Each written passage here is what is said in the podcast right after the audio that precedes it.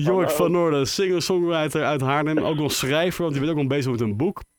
Ja, jij hebt een ja, droom, hè? Goed Ja, dat je dat nog weet. ja, joh. Ja, joh. We zijn altijd wel goed eh, ingelicht bij Haarlem 105 natuurlijk. Hè?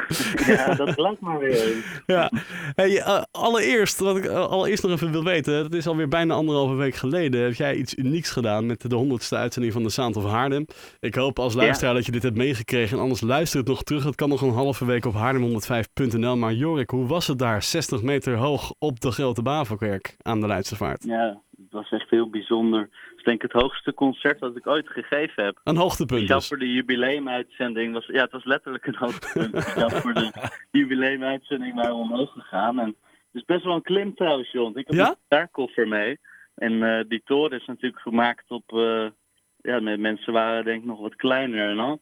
En, eh, dus het was nog best wel even een klim om er te komen. Maar ja, het was het meer dan waard. Ik kan ook iedereen aanraden, ook die niet gaat optreden, om vooral eens naar boven te gaan zolang het nog kan. Want het uitzicht, ja, dat is echt uh, adembenemend. Ja, ik, uh, nou, mocht, je, mocht je zoiets hebben van je leuk dat je het vertelt, ik wil het ook echt zien. En je kan er naartoe gaan. Maar als je even een plaatje wil, wil hebben erbij, ga naar onze Facebookpagina. Facebook.com slash Haarlem105 of Facebook.com slash Sound of Haarlem. Uh, daar zie je ja. dan ook uh, foto's van jou optreden. En het, is echt, het was echt tussen de buien door ook, hè? Dat was echt heel Ja, geluk gehad die dag, ja. joh. Het was, toen, het was bewolkt, maar wel heel mooi. Je kon eigenlijk ook best ver kijken nog. Dus uh, ja, die nacht uh, ging het echt weer helemaal los. Je had toen afgelopen week een paar dagen dat het heel heftig was. En dat was een van die dagen. Ja. En je vertelde in die uitzending aan, uh, aan Rick Uilenbroek ook nog iets over je jongensdroom. Laten we even luisteren. Ik wil mijn volgende plaat gaan opnemen in een, in een ander land. En uh, daar, daar heb ik een heel plan voor. En het is eigenlijk een soort jongensdroom.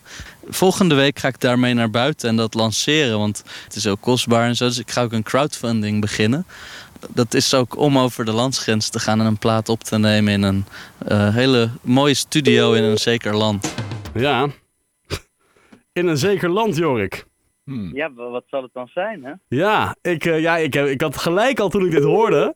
Uh, hmm. had ik al een idee van dit, dit. Ja, jij bent echt volgens mij een Beatle-fan in hart en nieren, of niet?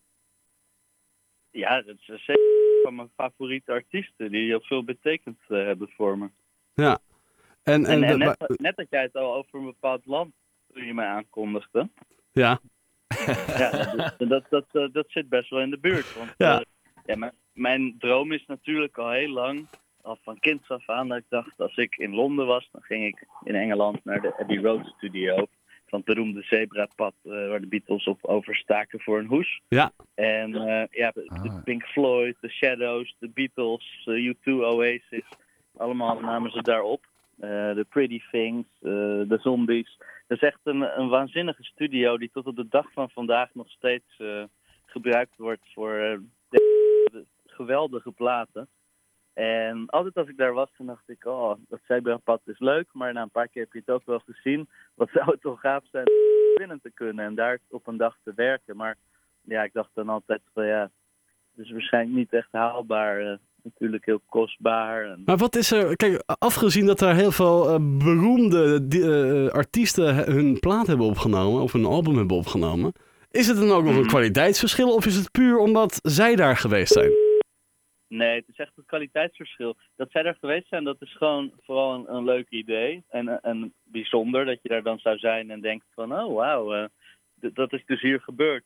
Maar ja, daarvoor ga je natuurlijk niet uh, uh, iets, zoiets kostbaars doen. Alleen maar om ergens te zijn in een ruimte waar toevallig wat mensen zijn geweest die uh, mooie dingen hebben gemaakt. Want ja, wat schiet je daar dan mee op, zou je denken.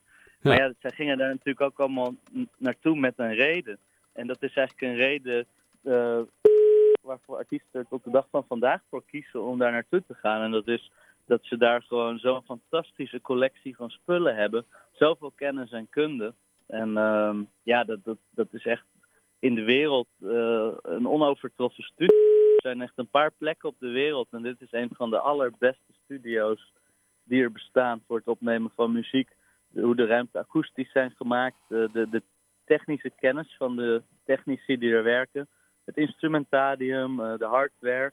Dus ja, dat, dat is echt een jongensdroom. Je kan daar dingen doen die je op de meeste andere plekken niet kan. En de meeste studio's, ook de beste studio's. Je hebt hier ook fantastische studio's. En op zich kun je overal gewoon een geweldige plaat maken als je de liedjes hebt en de perform performances en de mensen. Maar um, ja, daar heb je het alles. Daar heb je alles. Andere studio's hebben altijd een paar mooie dingen en die hebben dat. Maar hier hebben ze het gewoon allemaal, joh. Dus ja, het zou echt een jongensdroom zijn voor mij om daar te werken. Ja, ik kan me voorstellen. Zeker als, uh, als, als uh, muziekfanaat. maar het heeft echt totaal niks te maken dat de Beatles daar zijn geweest? Nee, nou ja, dat is natuurlijk wel iets wat tot de verbeelding spreekt. Dus wel een, uh, dat, dat is wel waardoor ik het als kind al leerde kennen, die studio. En het voor mij iets magisch had. Dus toen op mijn dertiende in Londen eerst, ja, toen wilde ik daar wel naartoe. Dat was wel nummer één op mijn verlanglijstje om dat eens te zien. En um, ja, dus ik ben daar toen naartoe gegaan. En altijd als ik in Londen was, ging ik er even langs. Maar nu dacht ik vorig jaar van, oh, wat, waarom ga ik het niet gewoon proberen? Ik bedoel, je leeft maar één keer, de studio bestaat nog. Het is nog steeds een fantastische plek. En nee heb je, ja kun je krijgen. En um, waarom zou ik het niet op zijn minst proberen? En misschien lukt het niet, dacht ik, maar ik moet het doen. Dus ik heb heel lang daaraan gewerkt en een plan uitgedacht en contact gezocht. En um, ja, ook gespaard ervoor. En samen met de, de platenmaatschappij en de publisher uh, geld verzameld. En, en maar hoe, hoeveel, hoeveel heb je nodig dan?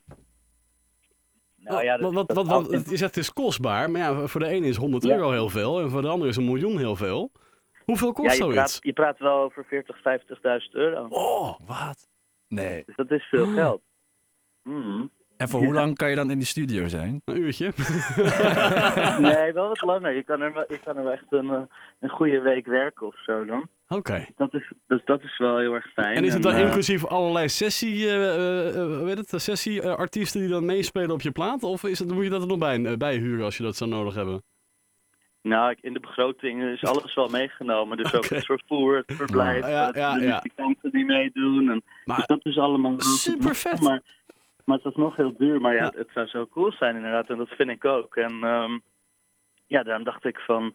Ja, ik moet het gewoon proberen. En nu zijn we dus heel ver gekomen afgelopen jaar. We hebben het grootste gedeelte gehad. Maar, maar het laatste, nog een, nog een laatste staartje. Want je hebt ja, op, uh... het, blijft een, blijft een beetje steken. En er is nog één deel wat, wat we echt nodig hebben, maar waar we zelf niet komen. En, uh, Daar ja, heb je gewoon hulp bij nodig. Je hebt gewoon hulp nodig ja, van de rest van Haarlem, Heemstede, Bloemendaal. Je hebt op voordekunst.nl ja, heb je wel. ja, voor de, op de voordekunst.nl heb je een, een, een crowdfunding actie gestart. Daar ben je uh, ja. donderdag, volgens mij woensdag mee aan de donderdag mee aan de slag gegaan. En je hebt in totaal dus nog 11.000 euro nodig. Zit dat goed? Ja, dat klopt inderdaad. En uh, vlak voor het weekend hebben we dat gelanceerd via voordekunst.nl. Dat is het bekendste crowdfunding platform. Ik heb er lang over nagedacht. Ik dacht, ja, crowdfunding wil ik dat wel. Dat voelt ook misschien een beetje als bedelen. Zo van je hand ophouden, van geef me geld. Maar ik dacht er lang over na. Uiteindelijk dacht ik, ja, maar zo hoeft het niet te zijn. Je kan ook iets leuks terug doen. Dus we hebben een hele lijst bedacht met tegenprestaties, zoals je dat dan noemt uh, bij crowdfunding. En dat varieert eigenlijk van dat je gewoon uh, ja, mij betaalt en het een soort vooruitbestelling op mijn volgende CD of LP is. Dus dat je dat bestelt, maar Ja. je kan ook een huiskamerconcert krijgen. Nou, en kan je dat aanraden, dat laatste? ja, nee, dat- Sowieso. Ik kan het van, ook van harte aanbevelen. Nee. Maar, maar joh, het is, dus het is eigenlijk gewoon, eh, eh, je, je, je geeft iets, maar jij geeft uiteindelijk ook weer wat terug.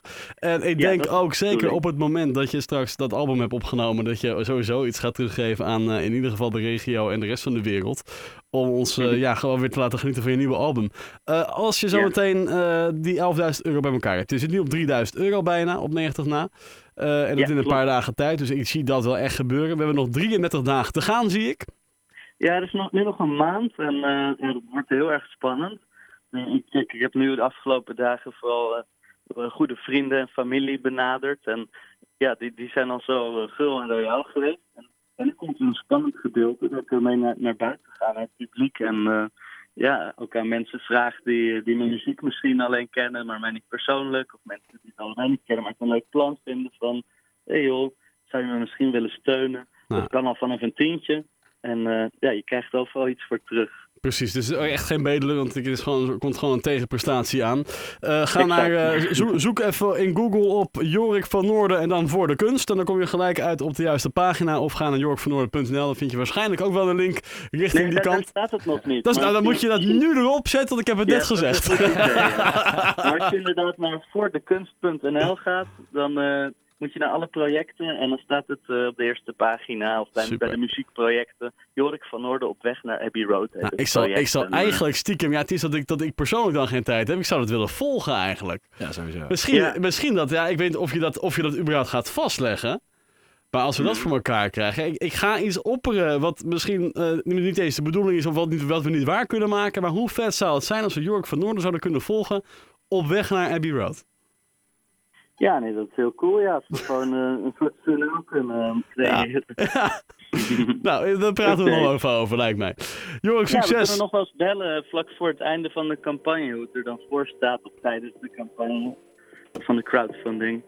Ja, lijkt me een goed idee. Jorik, dankjewel. Mooie avond.